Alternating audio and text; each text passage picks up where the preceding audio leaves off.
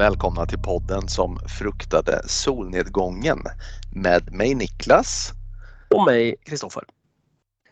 Det slår mig här nu eh, as we speak att om två dagar går både du och jag på semester. Och det känns mycket skönt.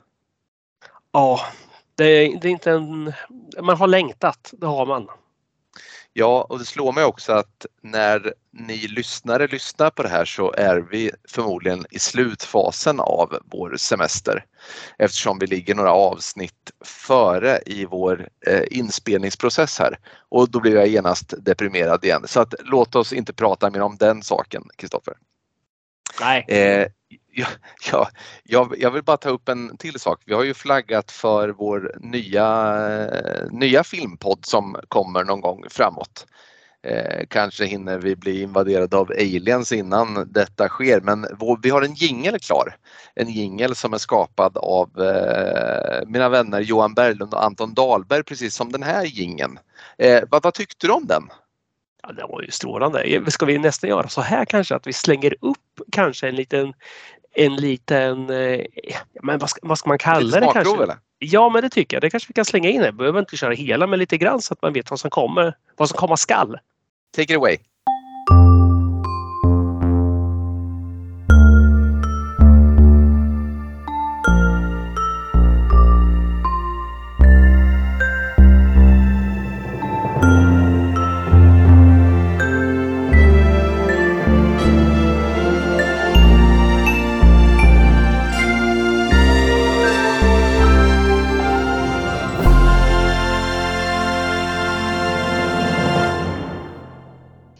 Jag tror på det där, eh, jag, jag, tror på att stressa oss till att det här blir av. Det är därför som jag hintar lite om det här redan nu. Ja, du, du är eh. väldigt svag för det där. Jag har ju stressat fram att du ska se The Revenant under ett par år här och det, jag känner att snart börjar eh, det ge utdelning. Mm. Det sjuka är ju att jag faktiskt eh, lyssnade på ett av dina tips gällande en dokumentär som heter Earthlings.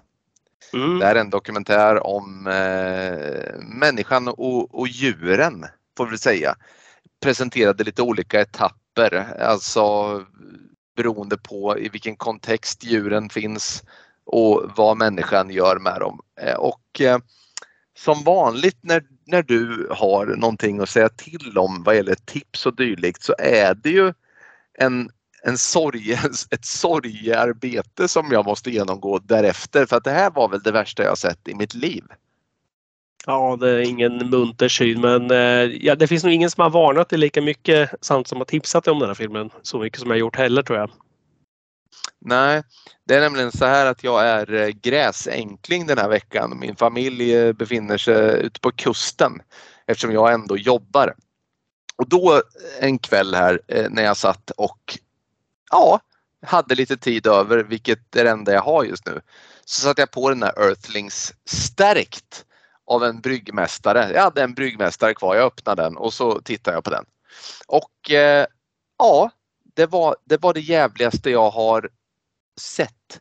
Eh, och, och, det här är ju något eh, liksom men det får en att tänka till lite så att, så att ska vi slänga ut en liten sån här liksom liten sån där passus att se, se Earthlings för guds skull. Om du ändå vill kanske tänka om lite i livet och samtidigt eh, slås av hur jävla dum människan är mot djur och natur och har varit sedan tidernas begynnelse. Ja, det är väl eh, schysst att göra. Det, man ska inte bli påprackad den här filmen eller den här dokumentären alls utan se den om du vill se den annars skiter du i det. Så är det verkligen.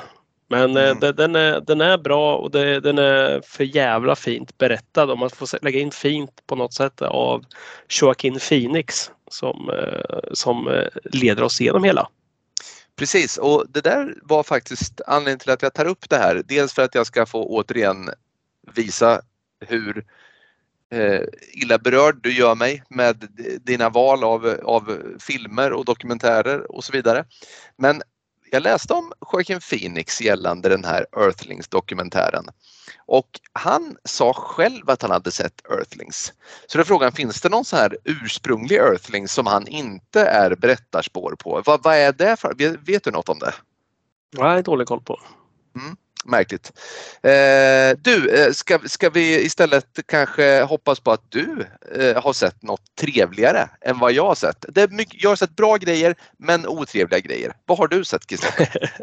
Nej men till att börja med så jag måste säga det, det är ju en filmpodd det här men jag måste säga att jag var på Springsteen i förrgår. Det måste man få klämma in ändå eftersom vi båda är uppvuxna med vad man kanske ska kalla är det, är, är det gubbrockens allfader? Eller är det Stones kanske? Någonstans ja, jag skulle nog säga att Bruce Springsteen är något annat. Han är någon form av av eh, broder att hålla handen när, när det är svårt. Också. Ja men det är, det, är, det är ett unikum när det gäller just musik faktiskt. Det, man vill inte dela in honom i fack gärna känner jag. Nej det är svårt. Det är så mycket olika faser hos den karln. Ja, jo, men så är det. Nej, men eh, jag, min eh, farsa, han, eh, han lyssnar på mycket tvivelaktig musik som jag absolut aldrig skulle låta passera min, mina trumhinnor. Men han har också fått mig att lyssna på mycket av den musik som kanske har gjort mig till den jag är. Så det är mycket, det är Clapton, det är Straits och det är det är just Springsteen. Ja, ja för, för all del så är det nog fan Mora Träsk också. Mm. Jag har suttit några gånger i någon så här gammal Folkets park och lyssnat på. En sån grej som jag funderar på att ge kidsen faktiskt eh, häromdagen. De kör fortfarande han Val Kjell Walter, heter han så? Walter ja det gör han nog. Och det ja. sjuka är att när du pratar så har du väldigt svårt att låta bli att ha tungan under underläppen sådär som när han ska ut på tiggjakt. Det är det man märker verkligen att det har präglat dig. Ja, det, det, det, var kul att när det kom regn nu på så kunde vi inte gå över den. Vi kunde inte gå under. Ja. Vi kunde inte. Nej men, nej, men det var en sån här kväll som det spöregnade givetvis. Hela, hela Avenyn var helt översvämmad. Men det, det jag skulle komma till bara var egentligen att eh, farsan har tjatat hela sitt liv om att se Springsteen. Liksom, att, och sådär. Själv har jag nog sett Springsteen upp mot eh, sex, sju gånger någonstans där. I stort mm. sett varje gång han har varit här så jag har liksom åkt och sett det. Farsan har aldrig gjort det givetvis är sån där, du vet, gubbar tar sig liksom inte tiden till att göra sånt där på något konstigt sätt. Det, köper hellre en vedklyv så här för 6 7 8 tusen än och stänger iväg 700 spänn på att se en konsert med något mm. de ändå har tjatat om hela livet.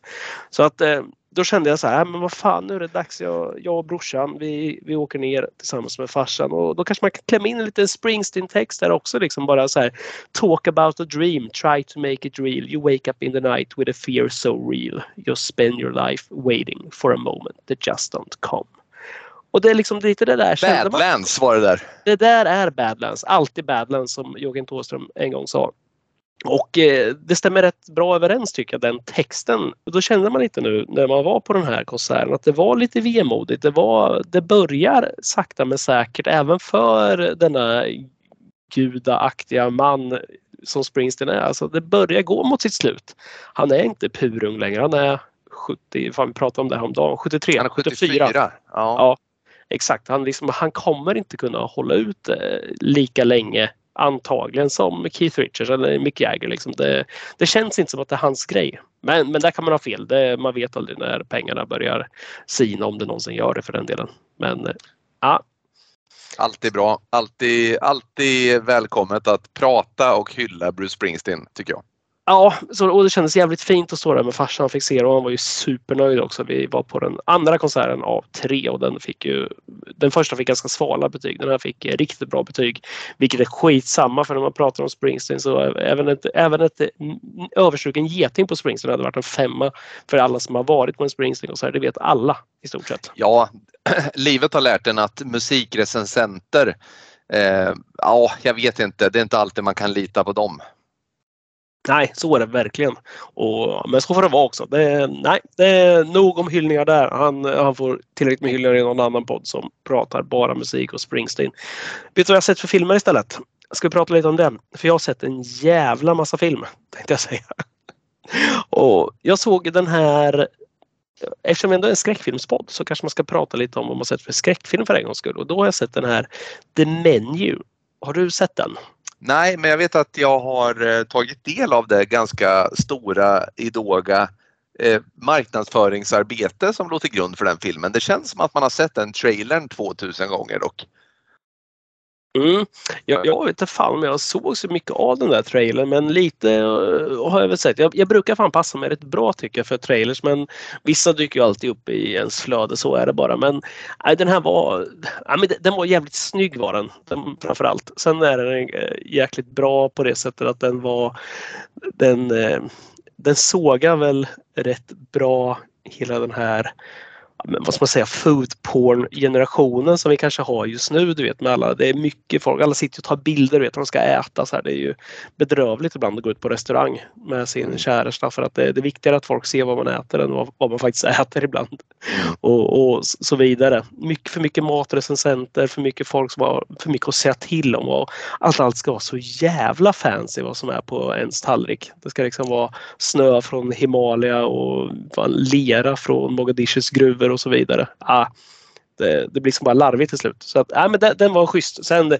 filmmässigt, ja, det var väl sådär tyckte jag. Liksom. Men det var, det, var en kul, det var en kul take på det hela. Så kan man säga. Mm. Eh, utöver det så såg jag den här Extraction 2 med Chris Hemsworth. var väl en av de större actionfilmerna som har kommit senare åren på Netflix. Nu kom tvåan. Jag såg den innan den kom på Netflix. Eh, riktigt schysst. En sån här one man show action. Man som ska hämnas allt och alla i stort sett. Och går. Du vet så här, börjar med en pistol, plocka, fortsätter sig vidare och i slutet står han där med en eh, kulspruta gånger två i varsin hand ungefär. Det, mm, såklart. Du behöver inte mer handling än så för att förstå vad det är för film. Men Nej. Eh, den funkade bra. Det var bra underhållning. Eh, utöver det såg en till actionfilm faktiskt som heter Sisu. Som är, eller Sisu Sisu, Sisu. Nej, jag vet inte fan hur jag vill uttala det. Men, eh, ja, men Sisu, det låter lite som den här finländska krigarsjälen ju. Ja, men det är ju det. Exakt. Om. Den finska sisun pratar man ju om. Ja, exakt. Och det är ju precis vad det syftar på. Filmen. Det är ju en gammal finsk eh, krigshjälte det handlar om. Det är en sån här nordisk film. Den här kommer med, jag är dålig på namnet på skådespelare, men kommer ihåg den här fan heter han? Huvudjägarna, såg du den någonsin? Den filmen? Ja, ja, den tyckte jag var väldigt bra. Det är ja, det... Jon Nesbø-boken ju. Ja men precis, han spelar huvudrollen där har jag för mig. Han spelar den onda i den här. Nu får jag kanske banda om jag fel men jag tror att det är han. Han är ganska kort, så här typ 1,65 lång kanske. Mm. Men, eh, och sen var det en sån här också sån här one man actionfilm men den här gubben, här var ju en riktig gubbe som var den här season och som var, ja, man var fan 65 bast eller sådär i verkligheten. Riktigt sån här, ja, men som man tänker sig en benhård finne liksom. Mm. Att, eh, den var schysst. Um, Opera Operation, Operation Fortune, Ruse de Guerre såg jag också. som är Guy Ritchies eh, nya. Han gjorde två filmer som släpptes stort sett samtidigt. Det var den här och sen var det den här The Covenant. Så inte att förväxla med Alien Covenant. Nej, just det. Men, eh, den här Operation Fortune var med bland annat Jason Statham och din lookalike där Hugh Grant och eh, ja, Josh Hartnett också för den delen. Den var, den var schysst. Den var så här ja, men, här, lite spionaktig rulle. Väldigt eh, rappt tempo och filmad lite som en 70-tals Bondfilm. Eller 80, ja, sent 70-tal kanske. Mm. Så här, eh, roliga kameravinklar, mycket färger och ja, väldigt mycket glimten i ögat. Jag, jag gillar den och det, det brukar vara så med Guy Ritchie. När han får till det så tycker jag han är riktigt bra när det inte bara blir blaj av det. det Nej, men det är sällan tråkigt i alla fall. Nej men precis. Jag tyckte den här Man from Uncle var sådär alltså, det måste jag säga. Men eh, den här tyckte jag funkar bra. Mm. Och sist men inte minst, igår såg jag även Dungeons and Dragons Honor Among Thieves och det var Ah, det, var, det var inte min typ av film helt enkelt. Och det där pratade vi om tidigare också. Jag, jag tycker inte om att se fantasyfilmer när när allting ser för tillrättalagt ut. Jag vill inte ha folk som ser för bra ut. Jag vill att de ska se ut som att de har, man, man har rullat dem lite i leran och sen ser de lite slitna ut. Så här, saknas ett finger, en, något reben där på några och så här, tänderna är borta. Men eh, här ser det ut som att man har tagit Ken från Barbie liksom och slängt in liksom, som någon riddare och liknande. Det, det blir för plastigt helt enkelt tycker jag. Ja men det, det, kan det bli, ja, verkligen. Det kan jag hålla med om. Och jag tycker inte om när fantasyfilmer inte vet vilket ben de ska stå på. Om det ska vara, ska det vara komedi eller ska det vara fantasy? Alltså, för mig är fantasy det är det här äventyret liksom när, eh, när det ändå är drakar med. Då vill jag ändå ha lite så här försök. Alltså, vi vet redan att det är drakar. Det, vi har plockat ner allvaret en viss, till en viss nivå. Försök göra allvarligt där då i alla fall. Nej, då plockar vi ner ytterligare en nivå genom att ha lite så här stå upp humor i det. Det tycker inte jag funkar. Jag, det vill inte jag se. Jag, Nej. Korta skämt går jättebra som man fnissar till åt men inte det här hela tiden. Det blir inget kul. Så ja, nej, nej, jag kan hålla med dig och detsamma gäller ju faktiskt science, det sa ju du också idag. Eh, detsamma gäller ju faktiskt science fiction film. Att det, det, det, det ska inte vara för glättigt helt enkelt. Nej men verkligen. Låt mig vara i det där universumet som ni ändå har lagt tid på att bygga upp. Där. Låt mig försvinna i den där världen ett tag. Låt mig inte bara bli påmind hela tiden om att det är så jävla glatt och glättigt. Är... Nej. Ja, men se gamla Star Wars-filmerna eh, till exempel. Där det, där det är lite så här skrot och lite ihoplappat. Mm. Eller den här filmen Brazil. Det är ingen favoritfilm för mig men jag gillar estetiken och jag gillar miljön. Alltså det är det ser ut som att det inte riktigt hänger ihop saker och ting. Det känns som att någon har, liksom har tagit fram svetslågan och sen bara du vet häftat ihop saker och ting med varandra som kanske inte hängde ihop från början. Det tycker jag om. Ja, så, sånt är schysstare.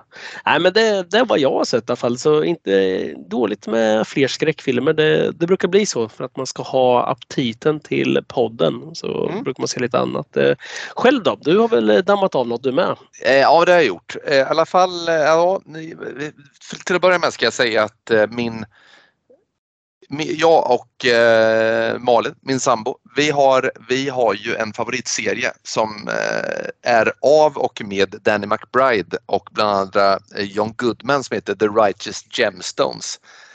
Eh, som är vår serie om man säger så. Det är, eh, har precis kommit en säsong tre.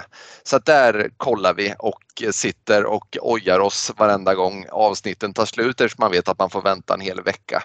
Ja, det är en jäkligt rolig eh, serie om en eh, idiotfamilj som jobbar som någon form av frikyrkopredikanter med tvivelaktigt leverne.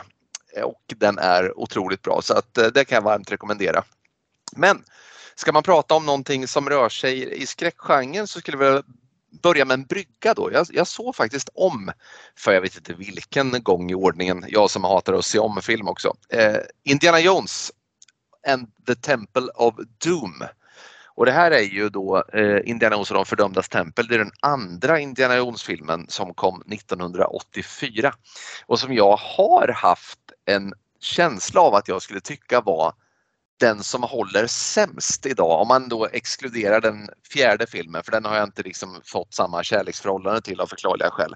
Jag har alltid tyckt att The Temple of Doom kanske är den som hållit sämst men faktum är att den är riktigt jävla underbar och det var perfekt att se eh, ihop med mina barn också som tyckte att det här var en riktig kanonfilm och där finns det lite så här skräckelement. Jag tänker på när de eh, tar ut hjärtat Eh, och ska offra till eh, Kali, den här dödsguden inom hinduismen. Så att ja, den, den, tänker du på den här delen?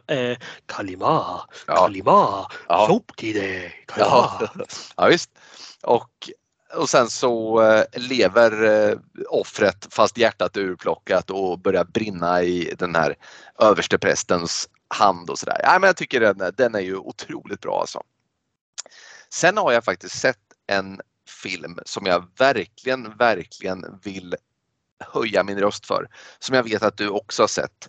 Och det är den här filmen X som kom för, ja, jag vet inte, ett par år sedan kanske? Eh, ja. Visst är det så? Två år mm. kanske? Vad fan kom den? Den kom 2022. 2022, okej okay, ett år sedan. Den är, eh, det är ju en, vad ska vi säga, en, en riktig klassisk slasherfilm. Ja, visst, det kanske inte är några maskerade mördare med den här filmen, men det är väldigt mycket slasherdrag. Det är väldigt mycket naket, det är väldigt mycket 80-tals eh, slasherfilm. Eh, och filmen utspelar sig också runt, ja, det känns som att det är slutet på 70-talet, början på 80-talet. Jag för mig att de kanske rent av nämner att det är 78, 79 i filmen. Ja, det är så perfekt miljö. Så jag, jag, jag, vill säga att utöver Black Phone som också kom för något år sedan här så är X den bästa skräckfilmen jag har sett det här årtiondet är hittills alltså. Det har det bara gått tre år men jag tycker ändå att på tre år den bästa skräckfilmen det är ändå ett gott betyg. Jag tyckte att X var fantastiskt underhållande, otroligt välgjord och eh, lite kuslig bitvis men också lite sådär du vet underhållande så att man skrattar också samtidigt mitt uppe i allt. Jag tyckte den var underbart bra.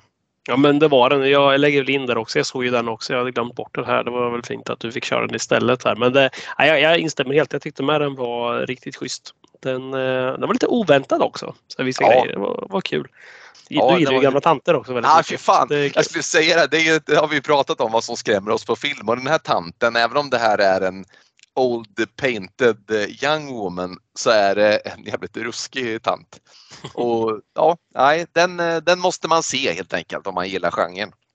Ja, kan man göra. Det blir kul. Vi, vi, får väl, vi kanske inte ska köra filmerna i podden men vi får väl se prequelen här och heter det Pearl och sen när den kommer uppföljaren här Maxim mm. också. Ja, så det, det ska ses till varje pris ja, så får vi se lite var vi landar i podden. Ja, du eh, Hoff, nu är det så här va, jag har eh, något väldigt viktigt att berätta för dig. Mm. Vi hade ju ett favoritsegment eh, tidigare i podden där vi listade de hundra bästa filmerna som någonsin hade gjorts. En lista som vi båda sen reviderade och föll tillbaka på att det här håller ju inte riktigt. Eh, kanske topp 10, kanske topp 20 hyfsat intakt men annars är det en så här uppstudslista som kan förändras lika mycket som en eh, kameleont i djungeln. Men tiden har kommit nu för oss att presentera en ny lista. Mm. Eh, vi har ju pratat du och jag om vad ska vi ha för lista för vi har upptäckt att det här är ganska populärt, ett ganska populärt segment. Och vill du, vill du berätta lite, vad är det för lista vi har knåpat ihop här? Ja, men vi börjar väl med att säga att vi egentligen skulle köra remakes överlag där. Vi skulle köra topp 100 remakes tror jag. Men eh, det där blir ganska svårt för att eh, dels springer man ju på väldigt mycket dåliga remakes inser man snabbt och sen är det svårt att säga vad som är exakt en remake och inte. Men så vi bröt ner det där lite istället. Så nu enades vi om Ja, vad sa vi? Topp 20 bästa remakes och topp 20 sämsta remakes. Exakt. Så en topp 20 bäst, en topp 20 sämst. Och här har vi pratat om vad, vad, vad är en remake? Och på något sätt så har vi fallit tillbaka på att man själv får väl avgöra lite vad man tycker är en remake.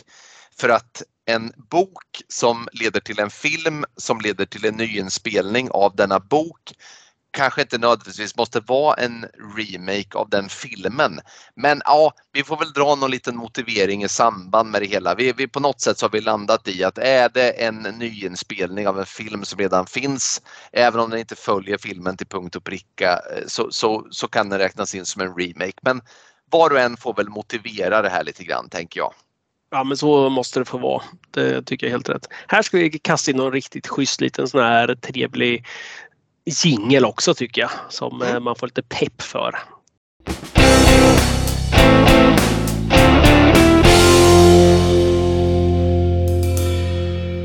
Världens i särklass bästa remakes och den absoluta botten. Så jag tänker, hur, hur, vill du börja det här? Vill du börja kanske rent av och köra dina... Får, får man önska de dåliga först kanske? Ja, jag tycker jag kan börja med de dåliga först. Eh, det gör jag gärna. Och, och det här är ju då en topp 20 över de sämsta remakesen. Och är det fem åt gången vi presenterar här tänker vi då? Det låter bra. Mm. Då börjar jag och eh, jag vill bara säga det först här att jag har ju haft lite besvär för att det är inte alltid jag har sett både originalet och remaken.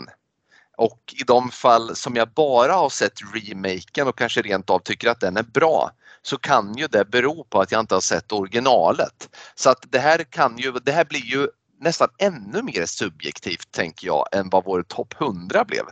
Men men, eh, då börjar jag. Topp 20 över de sämsta remakes som någonsin har gjorts. Och jag börjar då med plats nummer 20. The Ring från 2002. Oj, tänker säkert eh, många lyssnare där ute. Och då är det så här att hade inte jag sett Ringu, det eh, japanska originalet från 1998, så hade jag ju aldrig haft med den här filmen. För att den här filmen är ju i sig också otäck. Det är bara det att jag tycker att i kölvattnet av Ringu, alltså det japanska originalet, så har liksom inte den här filmen någonting att komma med. Jag tycker att det är mindre otäckt att rösten säger seven days i telefonen och jag tycker att det är mindre otäckt att själva Ringu-flickan är mycket mer utspökad och som det känns CGI-ad. Här finns det säkert tekniknördar som eh, slår mig på fingrarna och säger att hon är inte CGI-ad. Men jag tycker att hon är för utspökad. Hon känns mindre läskig än i originalet. Det finns en scen tycker jag som, som um, sticker ut. Och det är den här hästen som får spel på den här båten. Det är mig veterligen inte med i originalet och det tycker jag är en rätt schysst scen, rätt obaglig scen. Men annars så tycker jag att eh, The Ring från 2002 inte har någonting alls som inte görs bättre i originalet. Mm. Ja, jag instämmer med dig. Mm. Eh, plats nummer 19. ja, och, eh, det här är en ganska färsk film som jag har sett. Och det är också på något sätt så ringer din röst kvar i mina öron. Jag hade liksom inte tänkt på det på det sättet men det var när du sa det som jag kände att här sitter jag svarslös alltså. Det här är ju då remaken av White Men Can't Jump från 2023. Och White Men Can't Jump från 2023, då, då sa du så här, ja men va, varför har den fått en remake? Och det kan jag inte svara på alls. Eh, annat än när jag nu så om originalet med Wesley Snipes och Woody Harrelson från eh, ja, vad, det, vad kan det vara, 92, 93 där någon gång. Så slogs jag av att den filmen har ju faktiskt någonting. Den har ju liksom en, en schysst dialog och den har en härlig ton. Inget av det går att finna i remaken från 2023. Så plats nummer 19, White Men Can't Jump. Ja, den har jag inte ens sett och den kommer, den kommer aldrig uh, gå förbi mina ja, ögon heller. Så att, uh, ja, men kul att den hittar dit i alla fall. Ja, absolut. Eh, och som sagt var, det här kommer ju vara, någonting säger mig att när du börjar lista dina filmer så kommer jag sitta här med telefon och inse hur många jag har glömt bort. Men det är som det är. Plats nummer 18. The Witches från 2022. Och det här är ju då Roald Dahls eh, häxor eh, som jag tänker på. Det här är en nyinspelning som har gjorts med, är det, det kan, det, jag tror det är Anne Hathaway som är den här mm. Major häxan som då utspelar sig på ett båt. Stämmer det? Mm. Och eh, jag väljer den här filmen, inte för att den nödvändigtvis kanske ensam i sin egna skepnad är så dålig. Utan mest bara för att jag är uppvuxen med originalet med Angelica Houston. Och jag tycker den filmen är mycket, mycket bättre på alla sätt än vad den här filmen är. Faktum är att den här har ingenting att komma med och när en remake inte har någonting att komma med eller när den görs på en film som inte behöver en remake, ja men då, då, då hamnar du på, på Niklas lista här, så är det bara. Så är det. Jag är uppvuxen med den där faktiskt. Kul eh, grej och jag har nog inte sett den på jag vet inte hur länge, just Switches då. Men Nej. visst var det så, kommer jag ihåg fel här, men inte, vad heter det, fan heter han, Mr Bean, eh, Rowan Atkinson, spelar inte han någon så här hotellägare där. När alla, oh, blir, alla blir så här råttor i slutet eller möss ja. eller något sånt där. Ja, ja precis. Ja. De, de häller ju någon så här eh, medel i, i något bål där ju så att alla, alla eller någon soppa är det som alla äter av. Och så eh, ja, går det åt helvete helt enkelt för häxorna den eh, roll man förknippar det som man är så liten för att allt som fanns som man skrattade åt. Man hade ettan, tvåan och fyran där hemma. Det var ju i stort sett Mr Bean på TV, kanske Macken också som man var lite för liten för. Men ja. Mr Bean var ju liksom gud i ens ögon. Så när man såg han i något annat så här, lite mer allvarligt så var man alltid så här vad är det här? Här ja, han, han, han, liksom han, var, han gör, ju, gör det med bravur. Han är ja. som den här eh, receptionisten eller hotellägaren där. Så han får mm. slightly panic, så kan vi säga. Ja. Plats nummer 17. The Hitcher från 2007. Och det här är ju då en nyinspelning av den klassiska Liftaren med Rutger Hauer fast den här gången med Sean Bean. Inget ont om Sean Bean men att bära den här rollen som den här liftaren, det, det kan han inte. Eh, och än mer så vill jag bara höja mitt varningens finger att liksom, det pratas ju om en remake av Hajen. Alltså redan innan så förstår man att det här, det här kommer ju aldrig kunna hålla. Det, alltså det, det finns vissa filmer som du inte behöver röra och The Hitcher är en sån film. Så att jag, jag betackar mig Sean Bean för din tumme längs vägkanten för du har ingenting att hämta. Så säger jag om den saken. Men dö, Sean Bean, dör han i den här eller? Eh, ja, det gör han i Ja, slutet. åh fan. Han, han brukar Ja. inte dö i sina filmer. Nej, ja, han, han dör ju alla- han dör, dör i alla filmer. Verkligen. Vad kul det hade varit om, om, man, om det inte var i den här filmen. Ja. Eh, eller ja, man tror att han dör i alla fall. Alltså, Rutger Hauer är ju, är ju seg om någon. ja, men Sean Bean liksom, det står skrivet varje manus han tar att äh, tyvärr Mm. Sean, du måste nog faktiskt dö. Vad fan. Du Fan. måste dö. Fan också. Jobbigt när han ska förhandla sig om roller så här. Du, fan, kan, du bara, kan inte bara hitta någon film som inte dör i? Frågar han sin agent så här. Ja, Det känns jättebra. ja, nej. Alltså du kan få vara med i, du kan få, du kan få Goldeneye så här. Alltså, de tror att du dör i början, men sen överlever du. Sen dör du i slutet Sean. Är det okej? Ja, Ja, säger du det? Ja, ja, men vi kör på det. Bra. Vi kör på det. Bra twist tycker han. Det tycker han är kul. Fantastiskt. Ehm, och så är det då, nu ska vi inte hamna i den här formen av osynk som vi gjorde förra gången när vi presenterade de här listorna. Så att nu är det alltså plats 16 och det är då den sista filmen eh, för den här gången eh, och på min lista av de sämsta filmerna. Och nummer 16 alltså The Girl with the Dragon Tattoo från 2011. Eh, inget ont om Daniel Craig. Inte något ont om hon som spelar Lisbeth Salander eh, i den här filmen. Det är bara det att den här filmen är en kopia rakt igenom av eh, eh vad heter den? Män som hatar kvinnor. Och den filmen tycker jag var väldigt bra för att vara en svensk thriller. Eh, och då blir jag lite sådär grinig på amerikanerna att man måste göra en remake på allting som inte är engelskspråkigt. Så därför drabbas du av bilan här och allt mitt hat för den här filmen är på alla sätt sämre än det svenska originalet. Mm. Det, är, det är den ju faktiskt. Det, inte ens David Finchers perfekta heter det, miljöer kan eh, rädda det liksom på det sättet. Alltså det är ju, det är ju en, eh, givetvis en stabil film. Det här hade ju varit en, en stark fyra tror jag om den hade kommit ensam och inte Ja. varit en, liksom en remake. Men Mm. eh, nej, jag är helt på din sida här också. Den tillför ingenting nytt.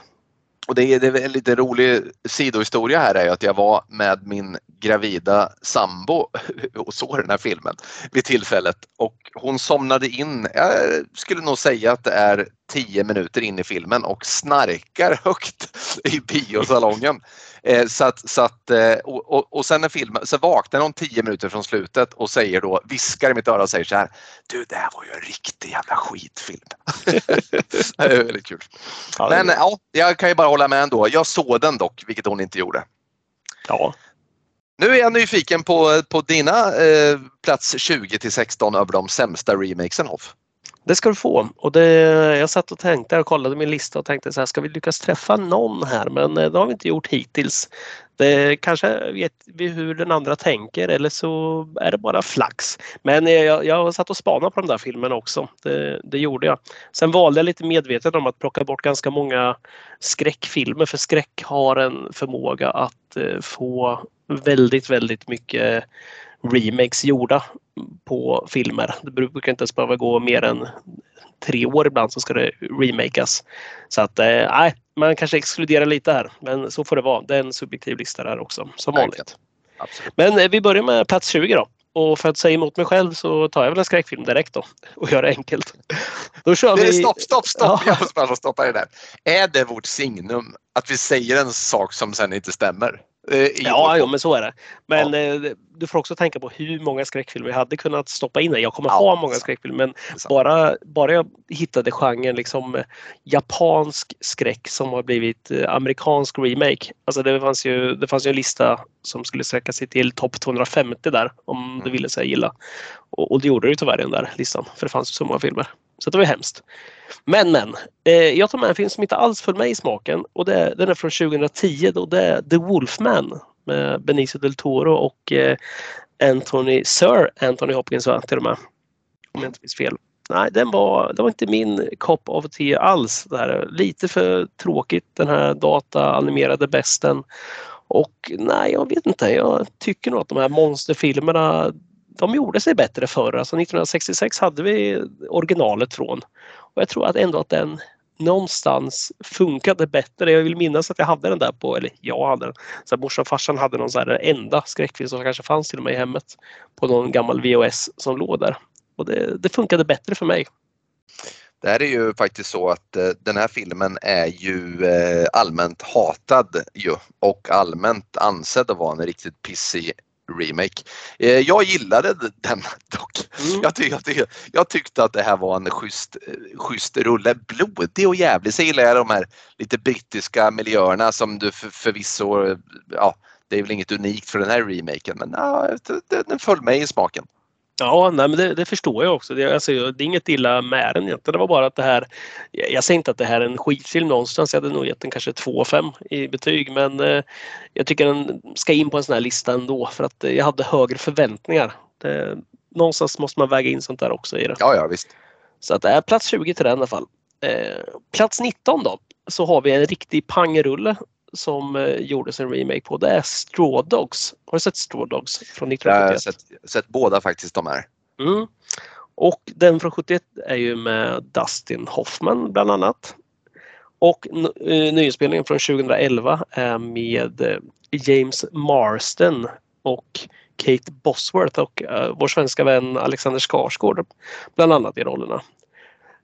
Och jag vet tusan alltså, men jag, jag gillar ju Dustin Hoffman, alltså hans den här, alltså Dustin Hoffman och jag har alltid bondat bra. Jag, jag gillar honom. Han är, han är fan expert på att spela den här bräckliga, ganska normala snubben som ändå liksom så här på vippen kan trilla över.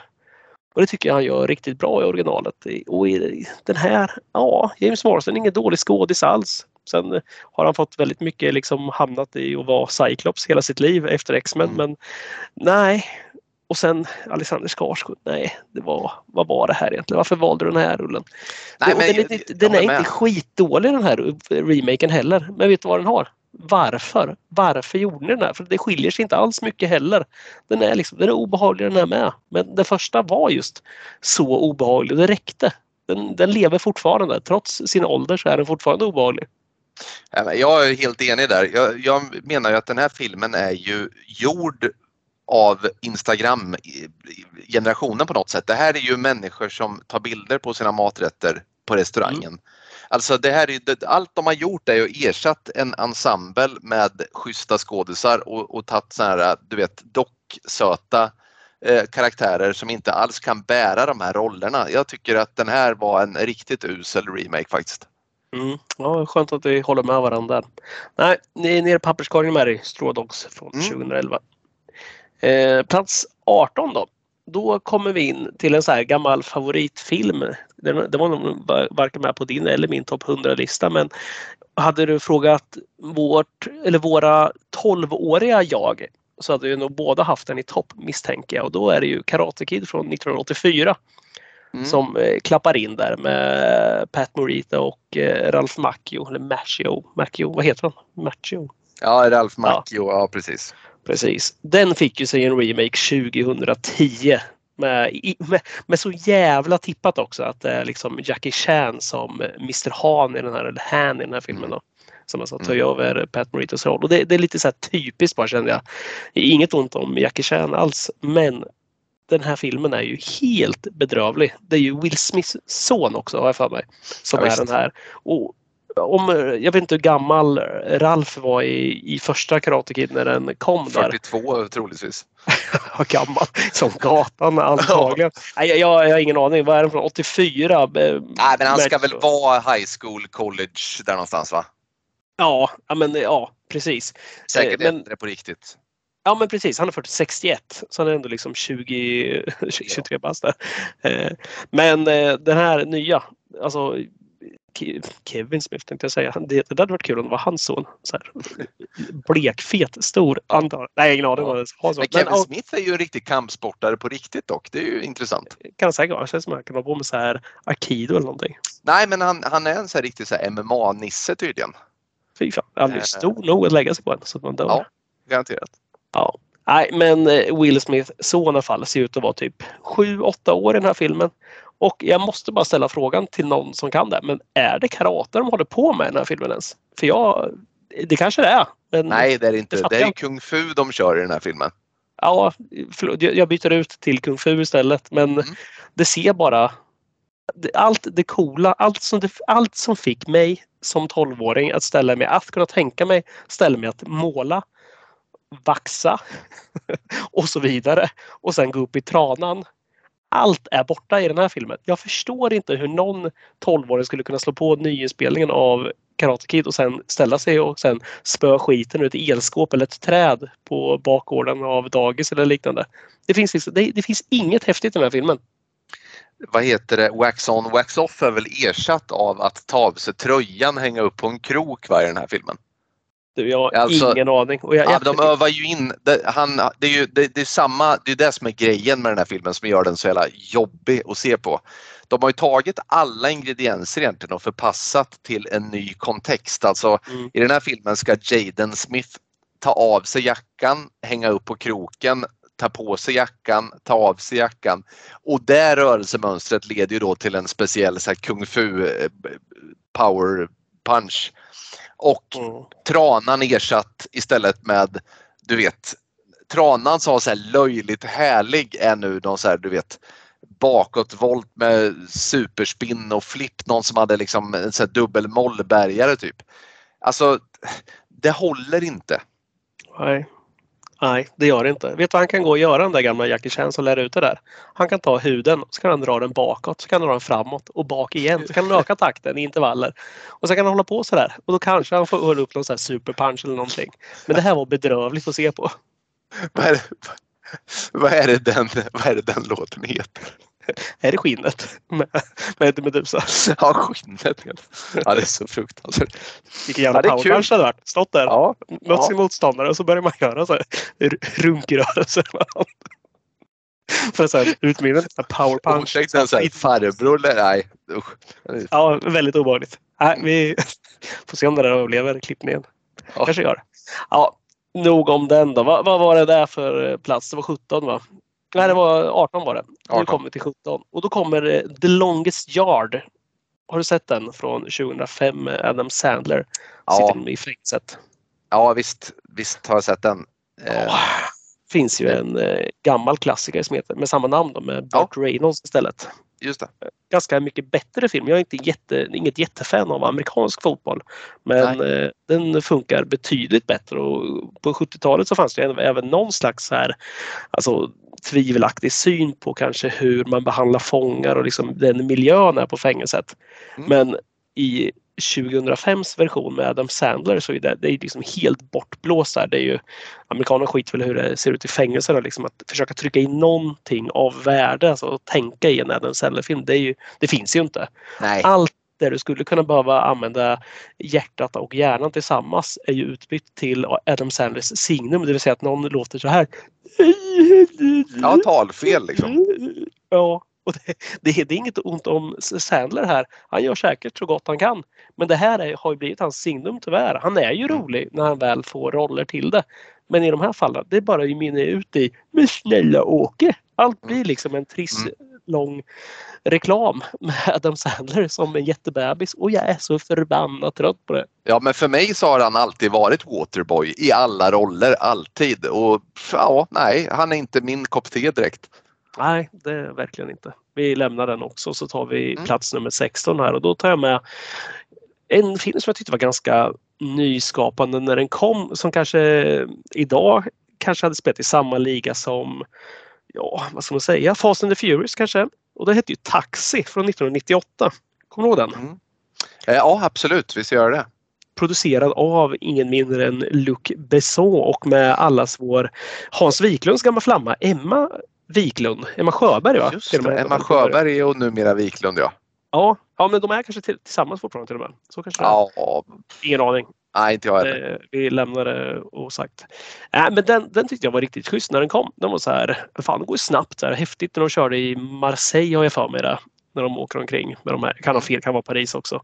Men eh, liksom snabb, snabb klippning, jävligt snabba bilar, jävligt rapp dialog och sen på franska. Det var ganska coolt och med så här tuff fransk rap. Det vart, eh, ja, men det vart, det vart häftigt på något sätt. Mm. Sen 2004 då är det någon som får för sig att så, ja, men Jimmy Fallon han är ganska rolig. Vilket han aldrig har varit heller. Det, det, det, kan- det kan alla stämpla in på bara. Så här. Jimmy Fallon har faktiskt aldrig varit särskilt rolig. Nej, Det, tyvärr. Han är, har inte varit. Han är en dålig Mike Myers kopia. Har Ja. alltid varit.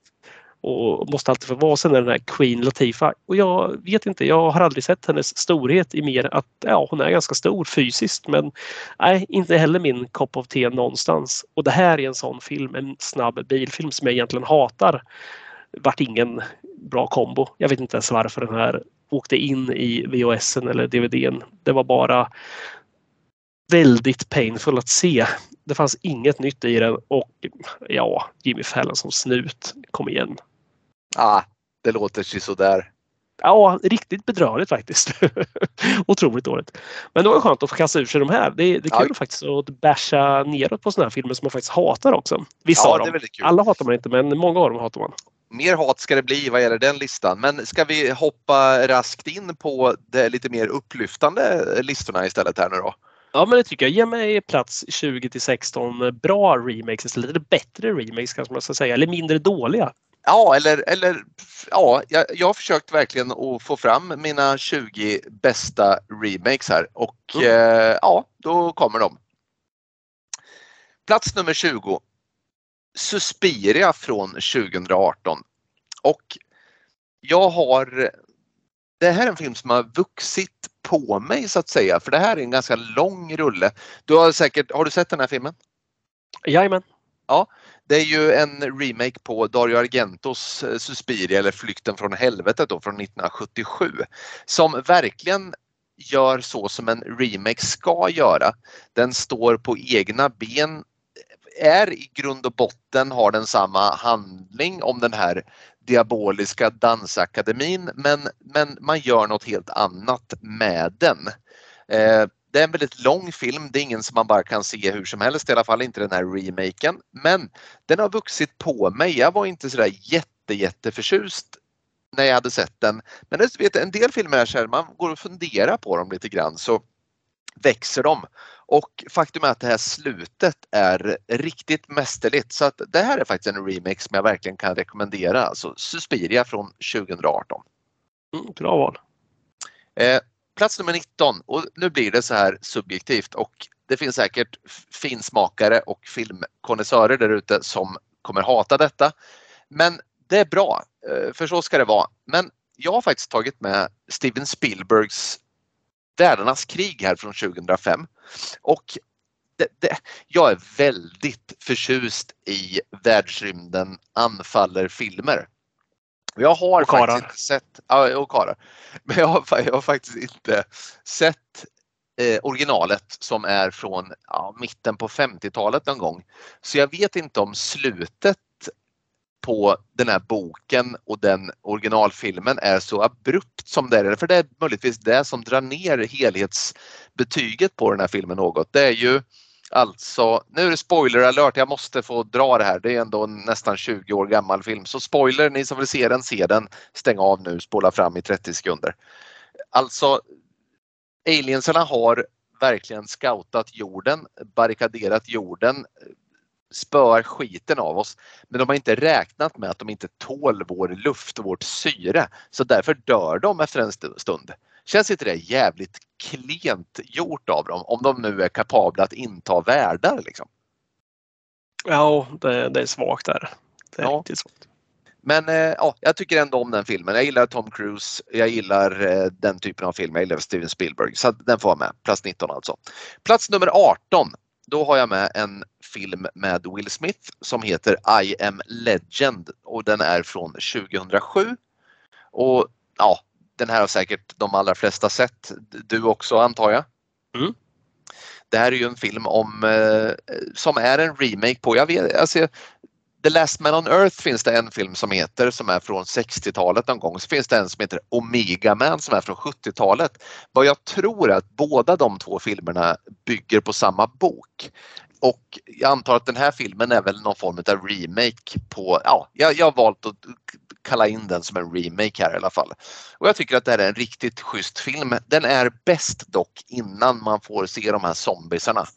Eh, då är filmen som allra bäst att se hur han, hur han liksom hanterar vardagen där, den gode Will. Men jag tycker fortfarande att det här det är en riktigt bra film. Visst är det alltid sådär när jorden har gått under att man vill se liksom hur någon faktiskt överlever. Alltså hur vardagen ser ut. Man är inte så jävla intresserad av hur, när det skiter sig sen och att man måste slåss. Jag vill bara se så här. Men fan fixar han kaffe? Liksom hur, hur får han sina cornflakes att fungera? Ja. Och liksom, Ja. Arbetar han? Kör han någon? eh, Tränar han någonting? Ja, ja, men, ja men så det är det sånt som är intressant. Liksom. Det andra är så här, ah, sen Nej, verkligen. De här eh, mutanterna eller zombies eller vad det är. De, de, eh, jag har för mig att de, de, ja, men de når inte riktigt upp i full pott i den här filmen. De är ganska Fula. svaga. Ja. Ja. Och så är, så är de som är den här snabba varianten också som lätt blir jag misstänker att det är svårt att dataanimera de här när de är snabba och ska röra sig i stora kluster. Det får de alltid problem med känns det som. Det blir liksom alltid ganska fult. Precis, jag tror det är det som stör också för att de här mutanterna eller zombiesarna de är riktigt fula. Och de, det är när de kommer som filmen blir svagare. Den här filmen innehåller en mycket sorglig scen också när han tvingas avliva sin fina schäferhund. Usch, då lider jag igen.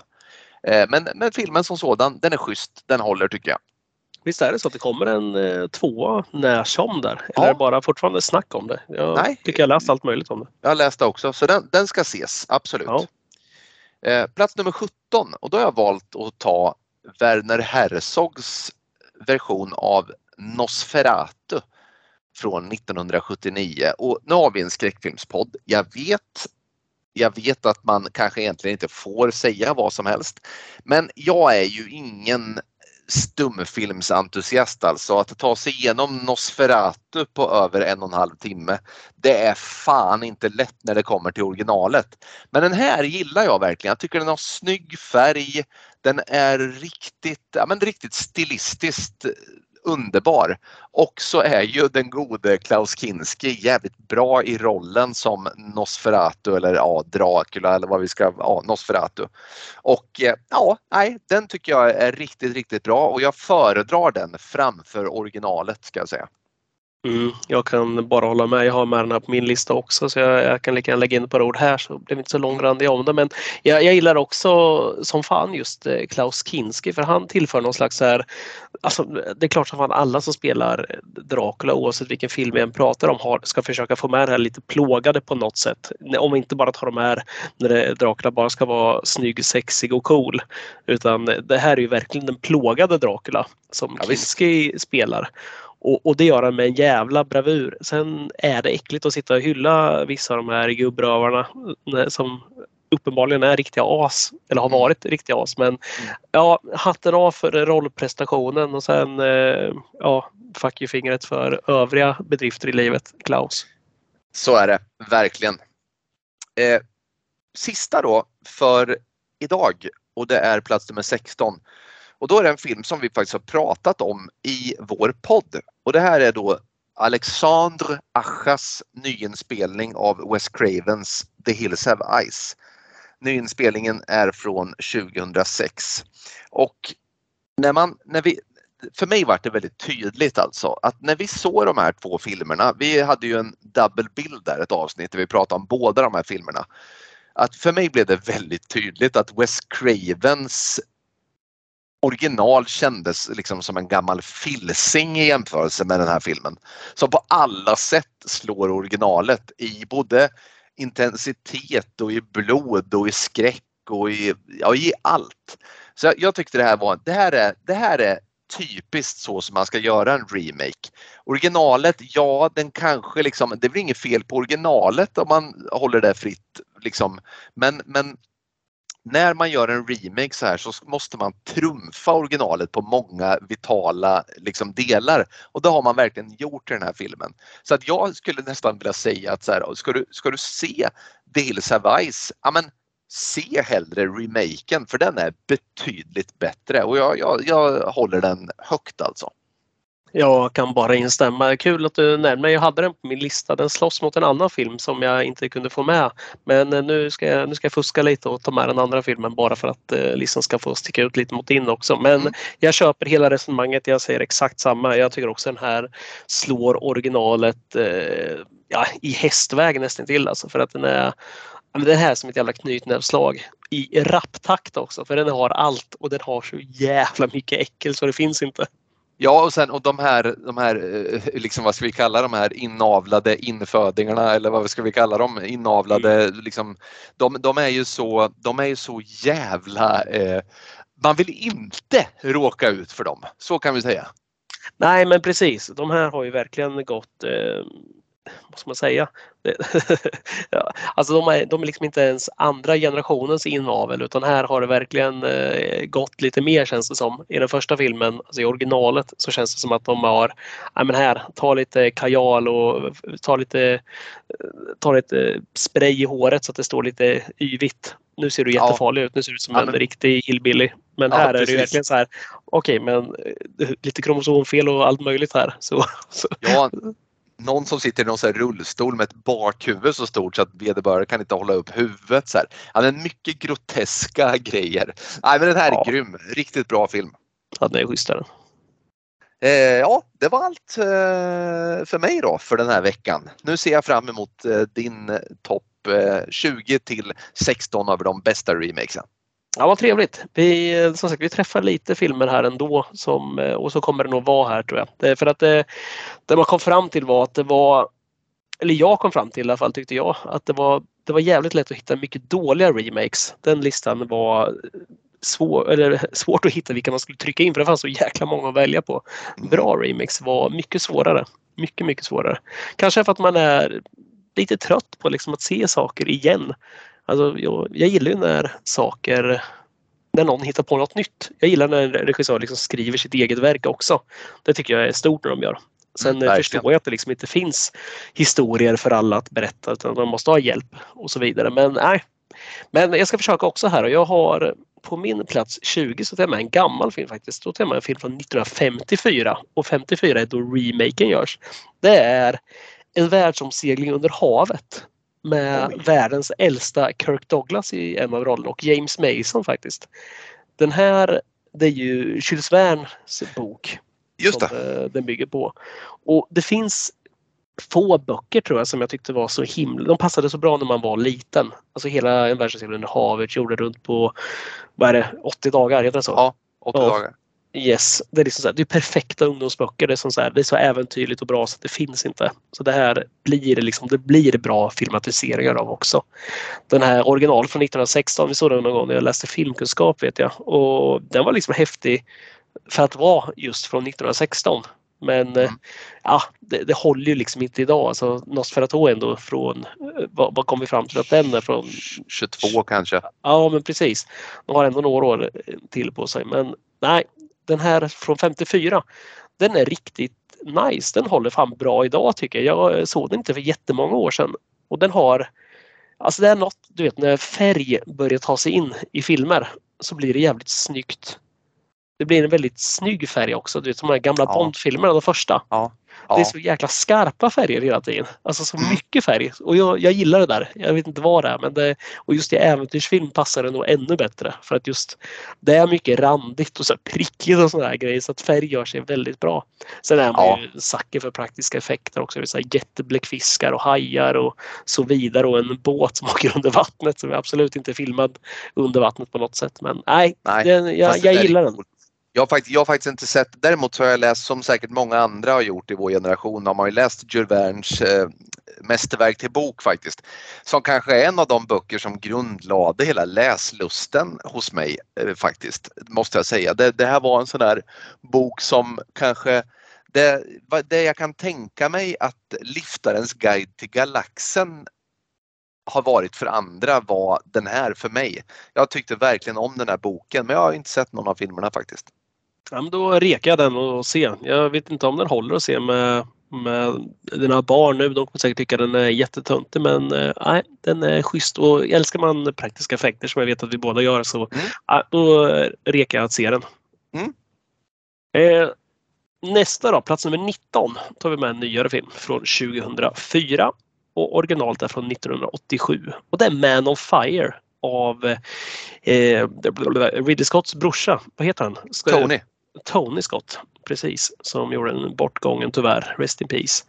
Eh, originalet är ju med Scott Glenn i huvudrollen. Här har vi istället eh, allas vår Denzel Washington och den här är ju benhård.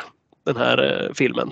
Det, den är härlig. Man, man är ju en sucker för de här One Man Army filmerna. Men eh, man vill, man vill ofta ha någon slags liten så här någon liten känsla i personen. Alltså det är inte bara Arnold när kommando går liksom berserk hela filmen rakt igenom. Det finns liksom inte, det finns inte ett uns känslor i den kroppen som rör sig. Men här finns det ändå någonting och det är en jävligt bra kemi mellan just Denzel och sen Dakota Fanning tror jag det är som spelar det här barnet i den. Just det.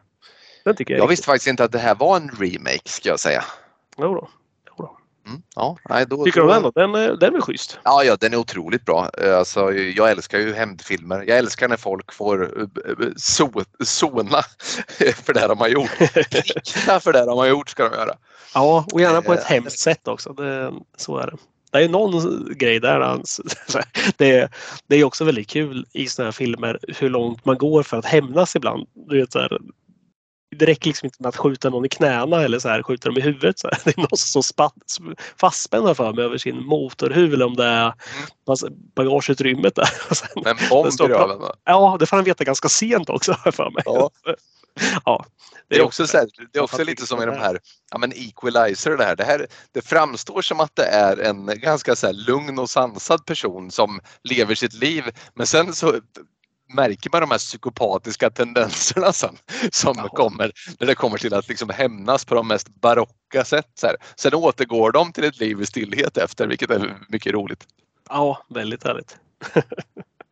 Jaha, det var plats nummer vad sa vi, 19. Kommer till 18 då.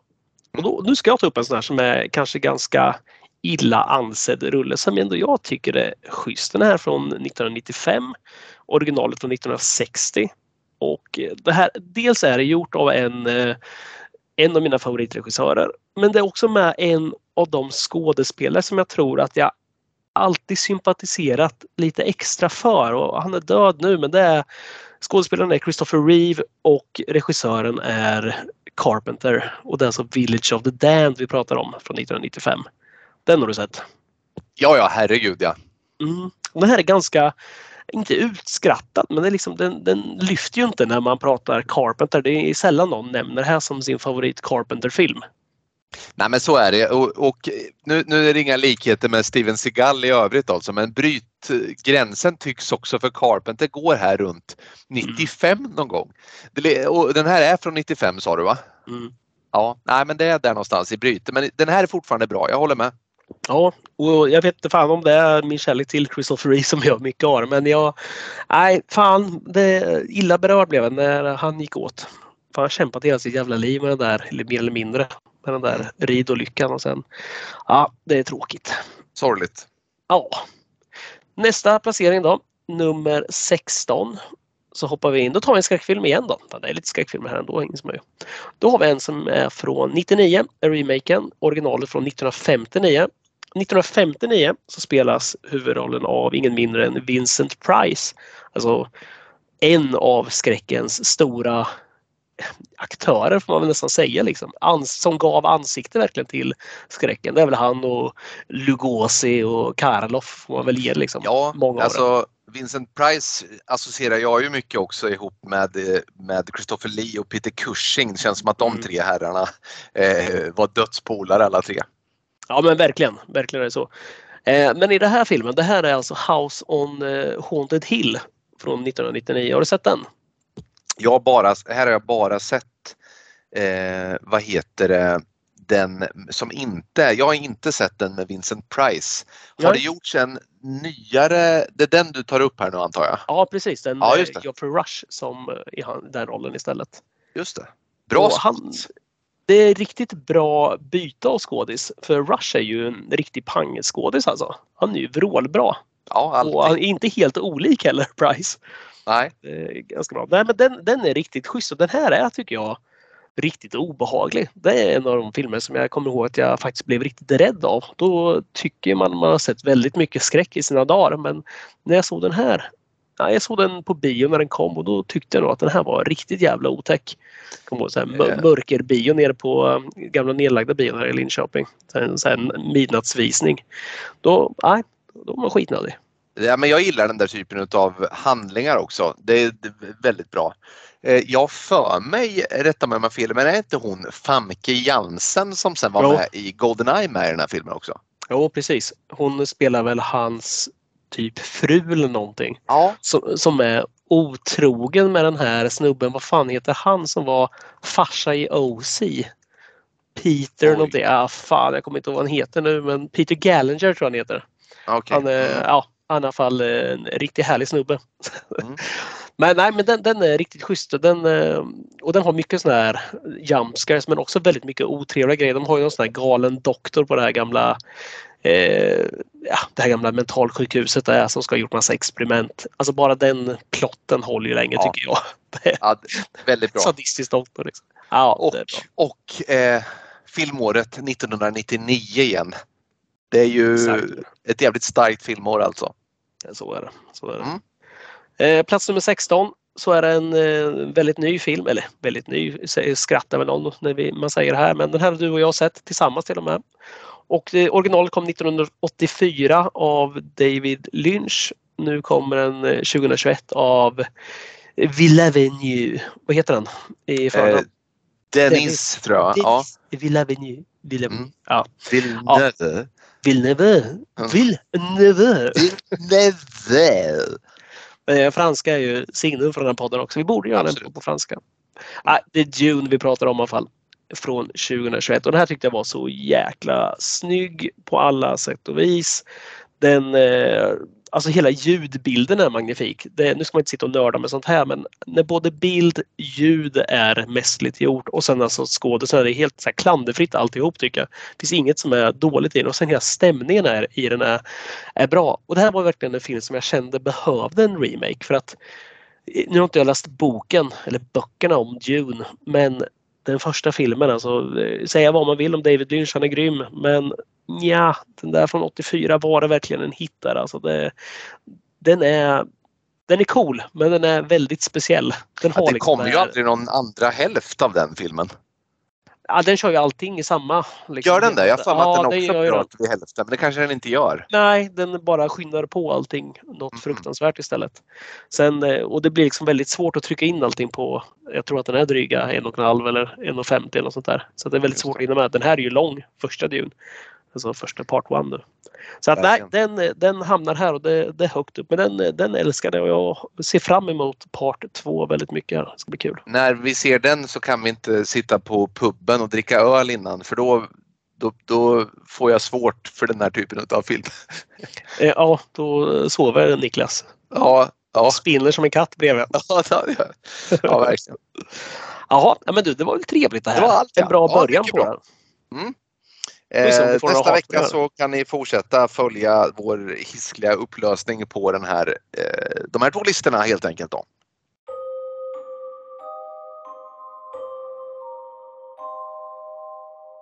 Men du, nu har vi pratat om bra och dåliga filmer här. Nu ska Mm. vi prata om detta mästerverk till film som eh, placerar sig i Conjuring Verse som vi har pratat om så mycket. Och kan du inte säga, vad, vad heter filmen som vi ska prata om idag? Det är ju väldigt kul det här för att den här, den här filmen eh, eh, jag har ju hela tiden sagt till dig La Lorma Borma. Eh, La Lorma Borma heter ju inte den här filmen. Men sen har vi ju enats om att den heter Curse of La Lorna, men det heter den inte heller utan då fick jag ta fram min gamla gymnasiespanska här, där vi fick lära oss att 2L blir J. Så den här filmen heter alltså The Curse of La Llorona. Eh, The Curse of La Llorona och den här utspelar sig alltså i det här Conjuring-verse som, som, som vi är lite trötta på nu men det, det, ska inte smitta av sig på det här avsnittet. Men kvällens film alltså The Curse of La Llorona från 2019. Har du någon liten eh, har du någon liten plott om vad denna film handlar om som du vill läsa in för oss? Ja, visst. Socialarbetaren Anna ignorerar den kusliga varningen från en mamma som misstänks för barnmisshandel. Snart dras hon och hennes egna barn in i en skrämmande och övernaturlig värld där de hemsöks av en fruktansvärd vålnad. Nu står familjens enda hopp för att överleva till en före detta präst och hans icke-ortodoxa metoder. Tack för den inlevelsen Niklas, när du läste in. Det var mycket fint och med denna speciella röst du kan åstadkomma också. Tack! Mm. Men du, vet du, vad, vet du vad jag blev lite orolig för när jag satt och kollade här innan vi började prata filmen? Det är ju att den här eh, Michael Chavez, eller Chavez, vad du vet, som har gjort den här filmen. Mm. Har, har, du sett vad han gör för filmer? Eh, nej, vet du vad? Jag har inte, jag kan väl tänka mig att han har, eh, att han inte, det är väl in, det är inte Exorcisten från 1973 på hans CV direkt. Nej, det, det, är väldigt lite sånt. Det är väldigt lite. Han har, eh, han har fått äran att göra någonting till Billie Eilish, någon musikvideo ungefär. Aha. Och sen har han gjort den här eh, La Llorona. sen har han gjort nya Conjuring 3 då. Och sen ska han även göra The Nun 2. Så att eh, det är med fasa här jag sitter och tittar över hans CV. Mm. Och eh, stryker han över eh, framtida anställningar inom vår produktionsbolag. Ja, för så mycket kan vi väl bara börja med att säga om La Llorona att det, den är ju absolut inte starkast på The Conjuring Verse utan kanske snarare tvärtom. Och då är det ju förbluffande att han ändå får en ny chans i Conjuring 3 som jag ännu inte har sett ska jag säga. Men att han också får Nunnan 2. Det, jag undrar lite hur de... Eh, han kanske inte tar så mycket betalt den här karln kanske eller? Kan ju vara så. Kanske kör så här pro bono eller någonting. Jag, ja, jag skulle inte ta mycket betalt heller om jag fick möjlighet att göra den här filmen. Nej, den sant. hade ju inte blivit lika bra, det, det, hade den inte blivit. Men den hade, blivit, eh, den hade varit mer minnesvärd tror jag. I sin så är det. Så är det. Men du, ska vi göra som vanligt då. Vi har ju suttit här och pratat i lite drygt en timme här om allt annat än filmen vi ska prata om egentligen. Mm. Så att vi kastar oss in här över karaktärerna i vanlig ordning. Karaktärerna. För att vi har väldigt få karaktärer att jobba med i denna rulle. I alla fall få karaktärer som faktiskt spelar någon slags roll. Mm. Men eh, vi gör väl det enkelt tänker jag och kastar oss in i huvudpersonen Anna, eller Anna. Mm. Vill du ta, ta ett par ord? Ja visst kan jag göra det. Eh, Anna som sagt var, vad är hon? Någon form av socialarbetare eller socionom eller något liknande. Hon jobbar med att eh, omhänderta eller ta hand om eller utreda barn som är, eh, vad heter det, de får något, lite så här orosanmälningar kanske eller? Mm. Alltså att ja, det är barn som har, eh, liksom, man misstänker råkar illa ut på olika sätt. Då. Och eh, vi får ju inte veta så mycket om Anna mer än att hon har två egna barn som hon eh, bryr sig mycket om. Men hennes liv som sagt var är inriktat då på att hjälpa eh, andra barn som är i, eh, ja, som har bekymmer på olika sätt då. Mm. Hon är eh, vad tycker också... du om Anna? Har, finns det, vad, vad vet vi om henne liksom? Nej, hon är enkling, eller änka är hon, förlåt. Det är väl det vi vet om henne. Hon har det hade varit eh, betydligt mer intressant om hon var enkling, alltså att det, det här var, ja. det visar sig att det här var en kar alltså på något sätt. Ja, det hade ju varit väldigt märkligt dock. Mm, ja. men nej, men hon är ju änka och vi vet att hennes heter tidigare man då var snut som jag fattade. Mm. Sen hur, hur han har gått åt vet jag inte om vi får förklarat eller om jag var djupt inne i att läsa om någon artists eh, otrohet eller någonting på Aftonbladet när det presenterades. Men eh, jag, jag tror inte vi får det presenterat utan vi, vi, vet bara att han är död och mm. att det har inte gått allt för lång tid där. Hon är fortfarande i någon slags sorgarbete där. Barnen är inte så gamla. Vad är de? Fem, sex år kanske? Ja, någonstans Lite äldre. Ja. ja. Svårt det här med barn, sätta ålder på dem. Ja precis, ja, de kan ju, det kan ju variera lite i, ja precis. Men eh, i övrigt då, vad har vi mer då? Det är, ska vi ta barnen då kanske? Det är en dotter. Mm. Eh, en dotter som heter, eh, vad heter hon? Är det Samantha? Samantha. Ja, precis. Och Samantha hon börjar ju, ja alltså det här är ju det här är ju en del utav filmens problem kan vi säga direkt utan vi slängs ju rakt in i en kontext där de här barnen Ja, alltså vi får veta att hon har barn och nästa gång vi får följa de här barnen så börjar de ana att ett vitt spöke eh, förföljer dem och de ser saker som de inte ska se. Men det är alltså Samantha som dottern heter och Carlos som sonen heter och Carlos är väl något äldre va? Ja, heter han Carlos? Det är ja, Patricias kanske han inte gör. tror jag. Ja, ja. Eh, Okej, okay. Samantha och ja, vad heter pojken? Chris, Chris tror jag han heter. Chris, ja Chris heter han, det är helt rätt. Ja men precis, det är alltså barnen, vi får inte veta mycket om dem mer än att de råkar ut för den, den här vandringssägen då som man kommer att känna som La Llorona. Och eh, vi, vi kommer till henne. Men i övrigt då finns det ju en kvinna som heter eh, Patricia Velasquez. Eh, nu ska vi se.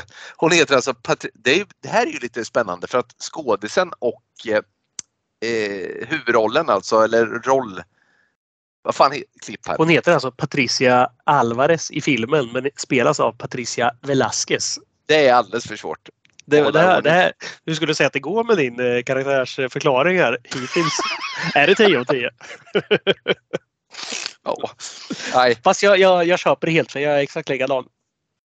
Ja det är, det är, ja men alltså så här är det. Anna utreder eh, ett par barn som, är då, som har då Patricia Alvarez som mamma. Patricia Alvarez, som det verkar, låser in sina barn i garderoben eh, eller hon bultar för in i liksom något form av förråd i lägenheten. Eh, och är, blir mycket, mycket, mycket vild när Anna ska släppa ut de här barnen. Och man får då känslan av att den här familjen, de har ju issues på något sätt och mycket riktigt. I övrigt så får vi inte mycket mer än liksom presenterat om Patricia Alvarez heller. Mer än att hon sen skuldlägger Anna för sina barns död. För när Anna släpper ut de här barnen så dör de en fasansfull död. Ja, och det sätter väl punkt rätt bra över hela Patricias historia. Mm. Skulle man kunna säga. För att eh, sen har vi ju liksom inte så mycket mer karaktärer som för filmen framåt. Förrän vi introduceras för uh, Fader Perez som är tillbaka igen. Han var ju även med i Annabelle. Exakt. Och han spelar ju exakt samma roll. Det är ju Tony Amendola som är tillbaka igen i samma roll. Mm. Och han spelar exakt samma präst här också då som, eh, som ska hjälpa till och få ordning på detta eller i alla fall eh, nämna hur hon kan försöka lösa detta. Eftersom mm. ja, det, det, är ingen skräll här att eh, det här spöket kommer och besöker Annas familj istället. Då. Nej precis. Och Fader Perez måste i sin tur då gå en liten så här ja, följa en lite mer okonventionell metod genom att kontakta den före detta prästen Rafael. Eh, Rafael är då någon form av spökexpert ju. Alltså han är ju lite av den här filmens eh, Warren, alltså paret Warren. Han, har liksom, han, han är på konsultbasis för Vatikanen på något sätt här. Mm. Och Rafael, det här är ju det första riktigt, alltså han är ju den som ska eh, kirra biffen här för Annas familj. Och det är en Alltså jag, jag vet inte fan om jag liksom kan minnas när jag såg en så usel karaktär tidigare. Nej, det, och det, han är ju så otroligt sopigt castad också. Det här är ju Ja. alltså Raymond Cruz. Det är, alltså, det är ingen så här superskådis vi pratar om utan den här skådisen han är ju känd från diverse B-actionfilmer. Alltså, det här är ju eh, dels är han ju med i Under belägring, Training Day. Han, eh, han är med som den här en av knarkbossarna i eh, eller förlåt, han är med i Better Call Saul också och Breaking Bad som den här Tuco Ja. Salamanca. Han är liksom, det. han, det här är han är typecastad jämt som en arg mexikansk antingen legosoldat eller knarkbaron eller liknande. Jag lovar att det är nog svårt att hitta det i någon annan slags roll. För han spelar Ja, alltid samma person. Ja, visst. Och det är Och- väldigt svårt att se honom i den här rollen. Ja, men det är jättesvårt att se honom i den här rollen. För, för det första så har han ju han, han är ju noll engagerad i rollen. Alltså han, han bryr sig överhuvudtaget inte, vilket jag inte klandrar honom för. För att det är riktigt uselt. Alltså Anna kommer till, till Rafael och vädjar om hjälp och han, han säger direkt så här, "Det- nej, nej, eh, nej, du får kontakta Vatikanen. Ja men det har jag redan gjort och ba ba ba ba ba. Och sen när dottern då ber honom, så här, snälla hjälp oss. Då vänder han på en krona och då är det så här på en femöring och då är det tydligt att Rafael är den enda personen på jorden som kan hjälpa till i de här fallen. Och ändå hade han tänkt lämna den där familjen till sitt öde. Det är så jävla konstigt. Alltså har han inget hjärta karfan överhuvudtaget? Om han nu vet att La Llorona är en verklighet, att han är den enda som kan hjälpa till. Ändå så hade han bara tänkt låta liksom Anna, eh, att, att, att få hennes barn dödade liksom. Nej, det är, det är uselt. Mycket uselt. Ja, han, är- det är en svagt skriven karaktär och han... eh, Ja, allt utförande han gör egentligen är ju väldigt svagt och väldigt oförklarligt också hur Mm. hans agerande är. Men vi Mm. kommer till det också. Mm. Jag, jag tror inte vi behöver nämna någon mer karaktär i denna film för jag tror faktiskt Nej. ingen annan fyller någon slags funktion. Nej, Så jag tänker väl att vi, ja men vi, hotet är väl dit vi förflyttar oss direkt där. Det kommer bli en ganska kort genomgång av den här filmen tror jag för att den är otroligt rak och väldigt, väldigt simpel. Hotet. La Llorona som sagt var, det här är ju då en, vad jag har faktiskt kunnat läsa mig till lite grann så är det en, en vandringssägen, en folklor i Mexiko om en kvinna som i ett svartsjukedrama då hennes make och tillika pappa till hennes två barn var otrogen mot henne och i vredesmod för att utföra den ultimata hämnden så dödar hon det som ja, före detta maken hade mest kärt och det är barnen. Efteråt så ångrar sig La Llorona så mycket så att hon går runt som ett spöke och letar efter ett par nya barn som hon kan ta istället. Eh, vad säger du om designen på La Llorona då helt enkelt? Eh, Får jag säga så här, har, jag, har man sett den där designen någon gång tidigare? I stort sett allt. Alltså det, är- det är noll nyhet här. Om, eh, om vi tyckte att designen på The Nun var 10 av 10 första gången man såg henne Mm. så är den här bara Nej men snälla! Så här, det, för det, som var schysst då, det första gången vi ser La Llorona när vi ser henne sitta vid den här bäcken där hon precis har dränkt sina barn. Mm. Då sitter hon i någon slags, så här, det ser ut som en gammal brudklänning. Jag vet inte var hon klädde sig i 19, eller 1673 i Mexiko men eh, det ser ut att vara senaste modet i alla fall. Hon sitter där med en så här liten skynke för ansiktet också. Det ser ut som en, liksom, en vit burk ungefär hon har på sig. Eh, och det funkar ju liksom bättre. Då ser hon ganska äck- otäck ut för det, alltså, man ser ju inget. Ser ut som ett spöke liksom. Ser ut som spökplumpen som sitter där och, och dränker sina barn. Och det hade funkat bättre. Lite så här twitchig, ryckig, du vet i ansiktet och kroppen. Det hade funkat bra. Verkligen, jag håller helt med. Istället så får vi ett CGI-nylle som gapar stort och har svarta ögon. Ja, Och det är väldigt, väldigt uselt. Ja de är ju så här gula ögon med kajal som rinner liksom. Som ska vara, jag antar det är så här. Kolla nu vi gör tårarna på henne för alla fattar att hon är ledsen. Kolla nu vi gör tårarna svarta. Mm. Ja, jo det var jättehäftigt så här. Ja. Det, nej, det hade kunnat vara blod. Det, det är säkert blod. De kanske inte ens hade fixat det bara. Det, så illa är det säkert. Jag tänker efter. Säkert.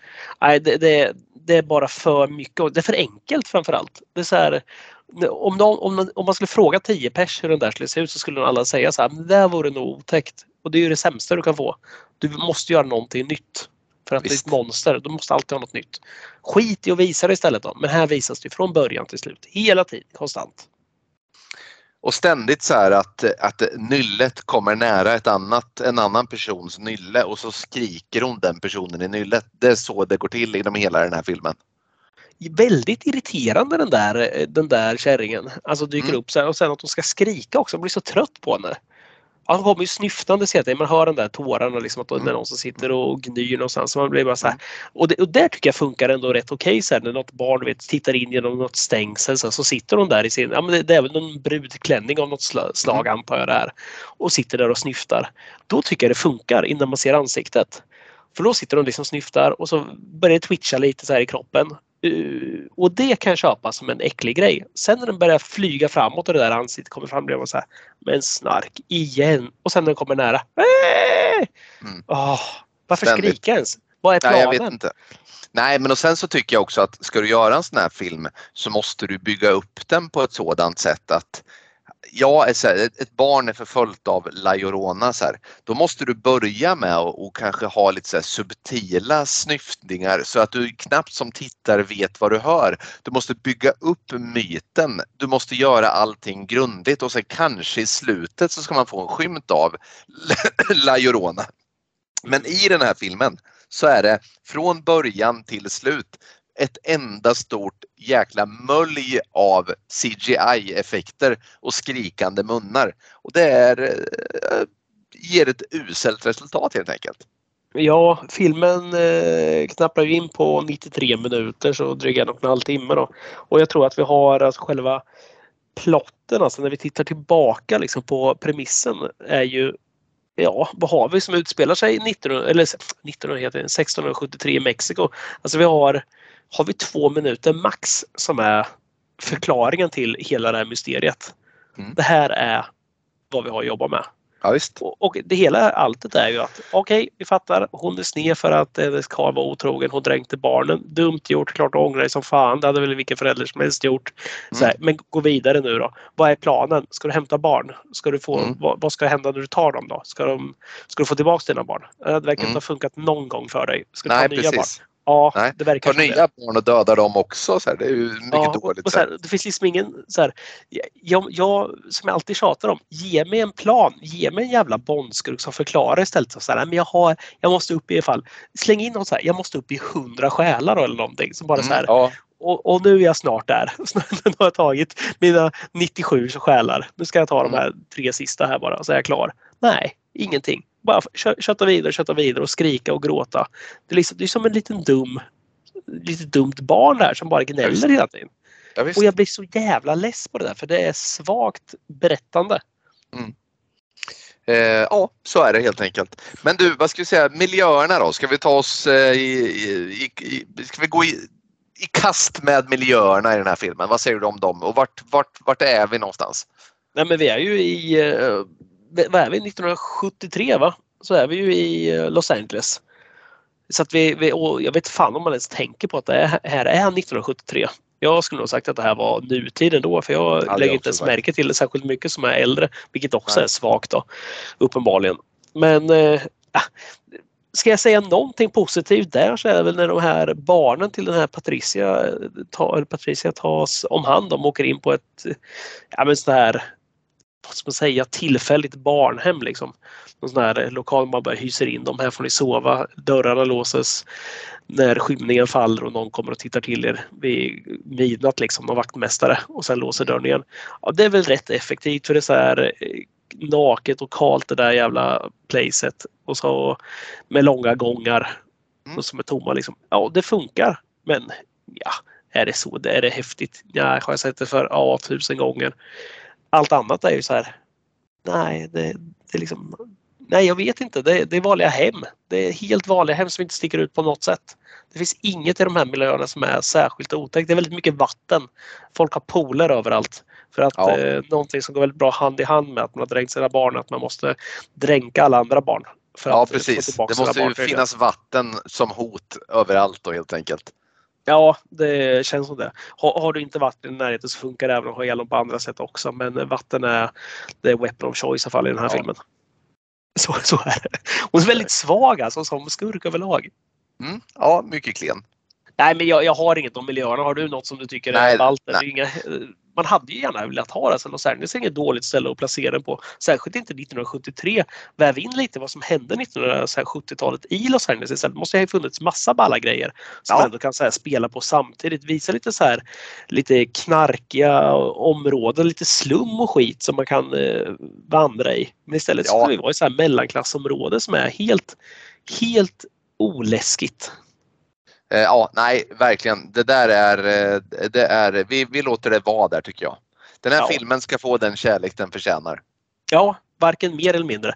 Och jag tänkte säga också, det, här, det är bara timmar sedan jag stängde av den här filmen när eh, eftertexterna kom och Mm. jag känner redan att den liksom börjar falla i glömska, mycket av det som har hänt i den. Och det, Ja. det är inte många timmar sedan. Du ser det svåraste som överhuvudtaget den här filmen hade att eh, komma med var ju att eh, Patricia Val- Velasquez spelar Patricia Alvarez. Det är så komplext att det får allting annat att blekna i den här filmen. Det är den stora Eh. twisten i filmen. Det är den stora twisten ja. Vad, vad har du, vad, några scener sådär som du vill lyfta? Minnesvärda scener. Ja, som, ja, vad ska man säga? I mean, dels så här, det första som händer när vi är i Mexiko när hon dränker barnen. Här. Det ena barnet ser ju att det andra barnet blir dränkt.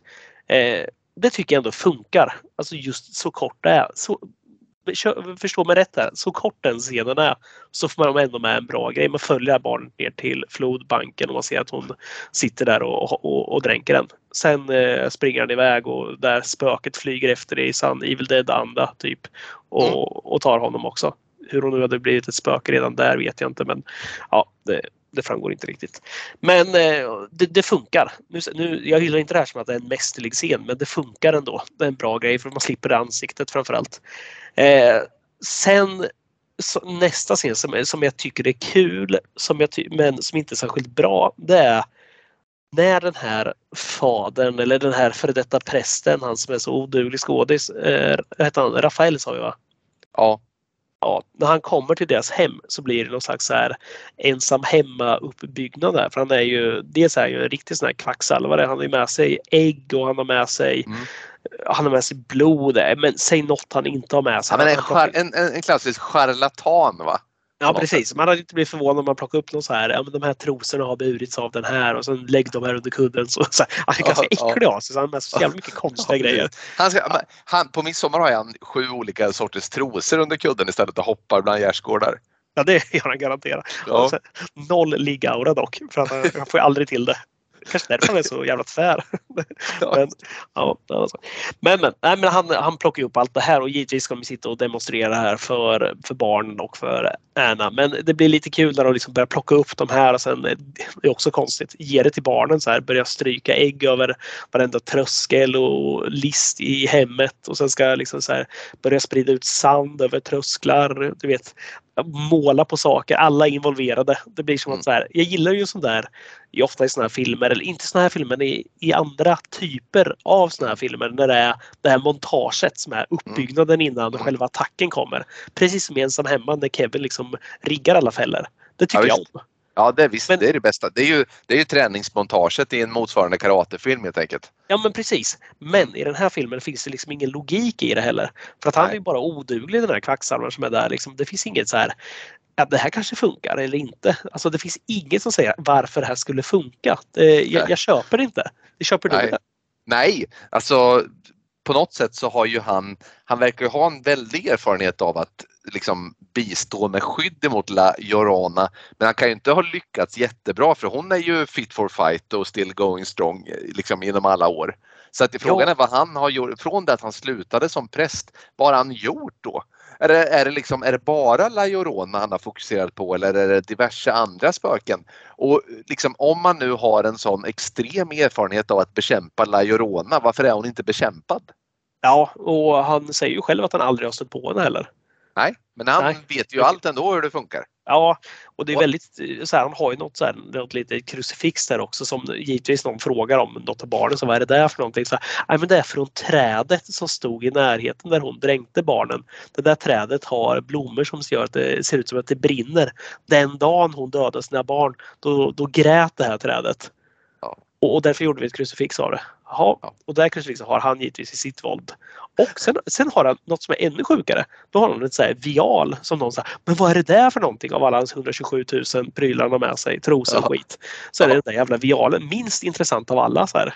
Eh, ja, det är, då säger han, La Lloronas tårar. Ja, Det är ingen mer så här, det är ingen förklaring på hur han har fått tag i den där. nej, nej. Det är bara, men så här, det känns ganska jobbigt. Det slår mig inte helt lätt att få tag i dem där. Nej. Är det Father Marion som kanske varit där? För Father Marion känns ju betydligt starkare än eh, Ja. Rafael i alla fall. Ja, Men framförallt också så, så handlar det också om att förpassa... Alltså i den här filmen som är en så här folklorefilm. Ja, den utspelar sig i The Conjuring Verse där allting bekämpas eh, with the power of Christ och krucifix egentligen i alla filmer. Men alltså det som skiljer, alltså inte det som skiljer som att det bara är en sak som skiljer. Men om man jämför till exempel med filmen Exorcisten när en annan typ av demon ska bekämpas. Där köper man ju att de liksom som sista, de besöker alla möjliga instanser först. Det är psykologer och sjukhus och läkare, alla tar tester. De använder till sist Fader Merrin som någon så här sista grej för att de har en kontakt via prästen. Det är liksom ett long shot. Det är inte givet. Här är det bara, liksom, det är som att all lösning på allting är prästen hela tiden. Och, och, och, och det är liksom självskrivet. Och det tappar i slagkraft liksom. Ja, ja verkligen. Nej, det, det är svagt. Det är ruskigt svagt. Har du någon scen som du tyckte var bra eller någon som du tyckte var inte fullt lika dålig som många andra Nej, scener? men jag, jag, jag med risk för att jag repeterar vad du redan har sagt och jag tycker att scenerna där man får se Lajorona lite på håll där hon sitter som ett livslevande väsen och man inte ser ansiktet är ganska effektfulla. Jag tycker att eh, det finns scener i, eh, men jag, jag tycker att det fanns någonting i början. Det är inte fel att göra Anna till en socialarbetare men där hade man kunnat bygga upp betydligt bättre liksom grund med att man får följa en familj och dess kamp och sen kommer Anna och de vävs samman. Nu får vi förvisso en and, ett andra hot också i den här Patricia eller Alvarez, det glömde vi nämna. Hon klär ju också ut sig till La Llorona i slutet av filmen för att hämnas då för att hon tycker att Anna ligger bakom att eh, hennes barn har dött då. Fast det uppenbart är La Llorona som ligger bakom så är det ändå Annas fel eftersom hon släppte ut barnen från den här liksom det här fortet som hon hade stängt in dem i då. Men jag, jag, jag, jag, ty, jag tycker att det liksom finns potential, hyfsad potential i lösa trådar som man lägger upp och ut i början av filmen men som sen inte får någon bäring alls. Så svaret på din fråga är nej, det finns inga direkta scener. Jag tycker att han Tony Amendola som spelar den här Fader Perez, han gör vad han kan. Jag tycker att han känns som en präst och ser ut som en präst. Långsamma samtal med honom i filmen, ja det är okej. Annars, nej, jag vet inte ärligt talat. Nej, den, eh, nej, nej, nej, nej, nej. Det var, det var också så här kände jag att, eh, att The Nun som vi liksom såg eh, för någon vecka sedan då, Mm. det var ju också en så här extremt svag historia att liksom göra en fristående film på. Mm. Och, men det här är ju, här hade vi ju kunnat få en, en prequel också. Alltså utan, eh, det hade ju inte känts helt konstigt för det är ju minst lika svagt. Mm, absolut. Och, och då lika- nunnan ändå hade någon Ja. rumänsk, alltså de har det där, det där klostret, de har den rumänska landsbygden, de har miljöer som ändå är bra.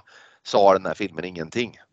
Nej, men den hade likt förbannat kunnat få en prequel ändå känner jag. Alltså, så här, och jag hade stört ihjäl mig på det och tvingat se det Mm. för poddens skull, vilket hade varit Ja. hemskt.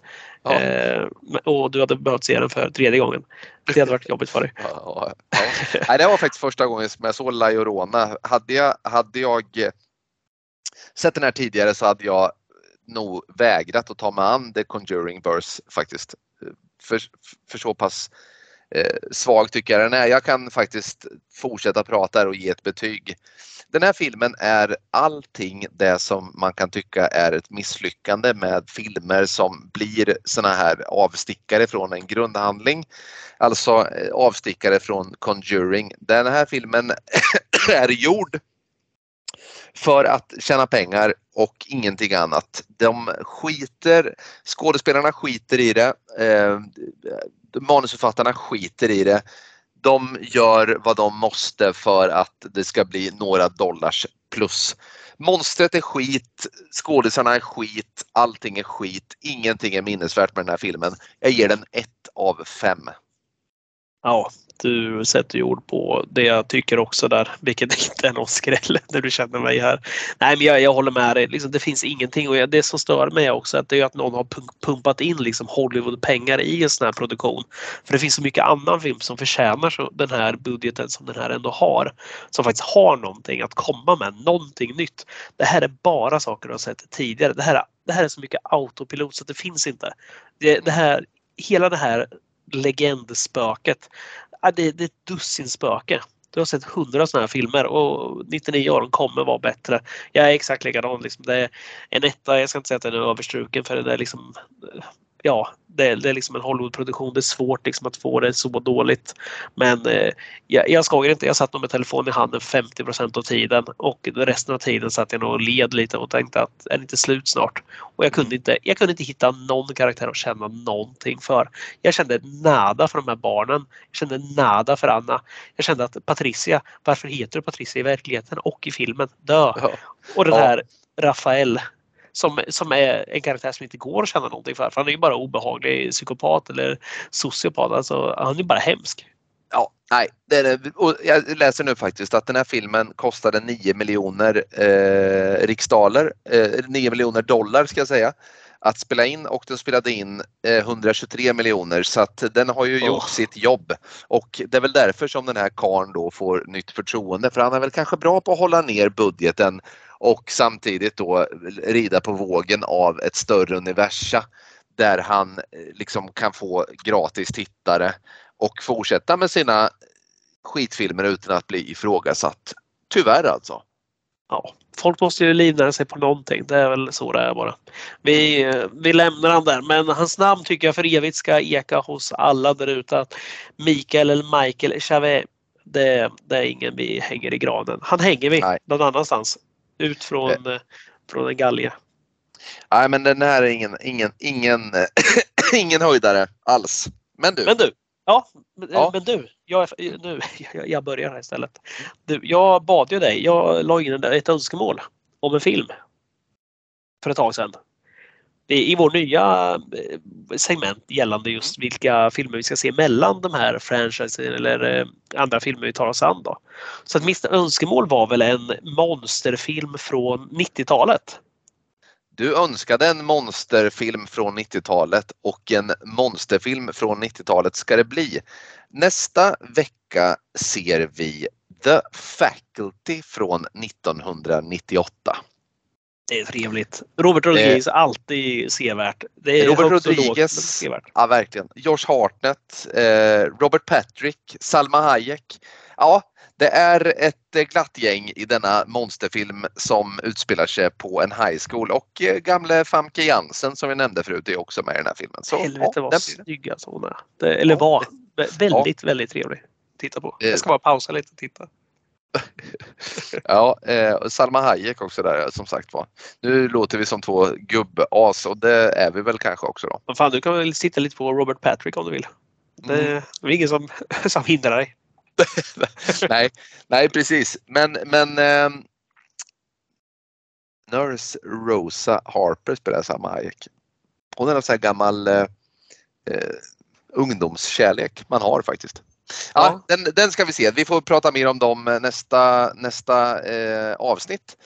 Men det är alltså nästa vecka och därefter så fortsätter vi med det här Conjuring Universe som går mot sitt slut. Då är det tredje installationen i Annabelle. Annabelle Comes Home från 2019 som vi ska se. Eh, jag kan säga så här Hoff, den har jag sett och, och, och du behöver inte längta ihjäl dig, det behöver du inte göra. du säljer verkligen in de här filmerna till mig också. Men, ja. Men det, det jag gillar mest är att även om det är en dålig film så vet jag att du kommer behöva se den för tredje eller fjärde gången. Och det, det är liksom den lilla glädje jag kan hitta i det här. Ja. Nu vet jag att du liksom ofta tycker att jag tar de här eh, diskbänks realismfilmerna som gör ont i dig. Du anar inte hur ont, hur ont du gör mig med de här filmerna. Ja, men alltså, var det verkligen jag som bad om de här filmerna? Jag, jag tvivlar på det alltså. Jag är ganska säker på att eh, du låg bakom hela det här. Många, många har ju gått in och kollat de här röstningarna som gjordes inför vilka, vilka franchise vi skulle ta. Mycket, mycket tyder på att IP-adressen någonstans kommer från Ljungsbro ändå. Helt och samma Ja. ställe. Ja, som vem vet. Niklas, Nicke, Sjukt. Lindis. Många namn som går väldigt nära hand med dig. Men, ja. Kärt barn har många namn. Eh, det var inte jag. Det var Nej. AI. Du Jaha. Hoff. Tack för det här avsnittet. Eh, tack för att ni har lyssnat. Hoppas vi inte har varit för negativa och eh, förstört er upplevelse. Om ni hade tänkt se den här filmen så kan ni göra det ändå men ni håll inte oss ansvariga för ert icke välbefinnande. Nej, gör inte det. Och nu eh, efter midsommar så vet ni hur det är med ljuset också. Det, det sägs att det ska bli lite ljusare här omkring där men för oss är det ju alltid ett konstant mörker där vi ses.